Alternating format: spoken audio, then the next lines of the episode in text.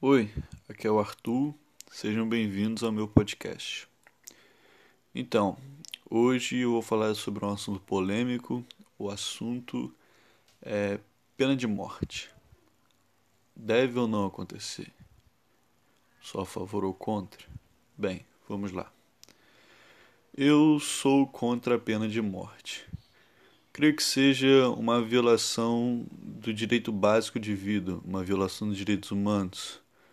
Você tira a liberdade de alguém de escolher se vai viver ou morrer. Você decide isso. Bem, a violência não é uma justiça social, de fato. Não é combatendo violência com violência que os casos de violência diminuirão. Inclusive, é, a redução da criminalidade não ocorre com a pena de morte. Tem experiências com países em que a pena de morte demonstram os crimes e violências não diminuíram. Não ocorre nenhuma diminuição, então por que fazer isso?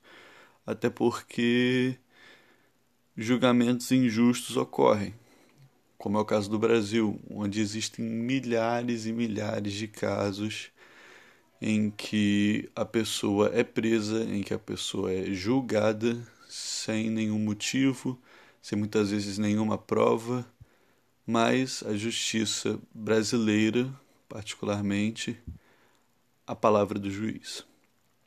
E se o juiz fez um mau julgamento, uma pessoa pode morrer por isso, caso haja pena de morte.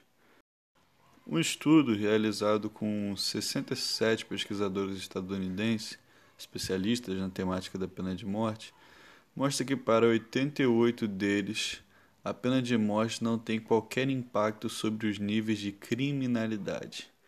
Para eles não existem quaisquer dados ou estudos provando a relação entre a pena de morte e a diminuição da criminalidade.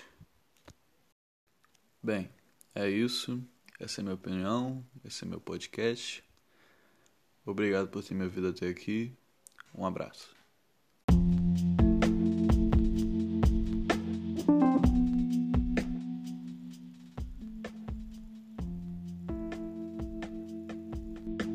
You.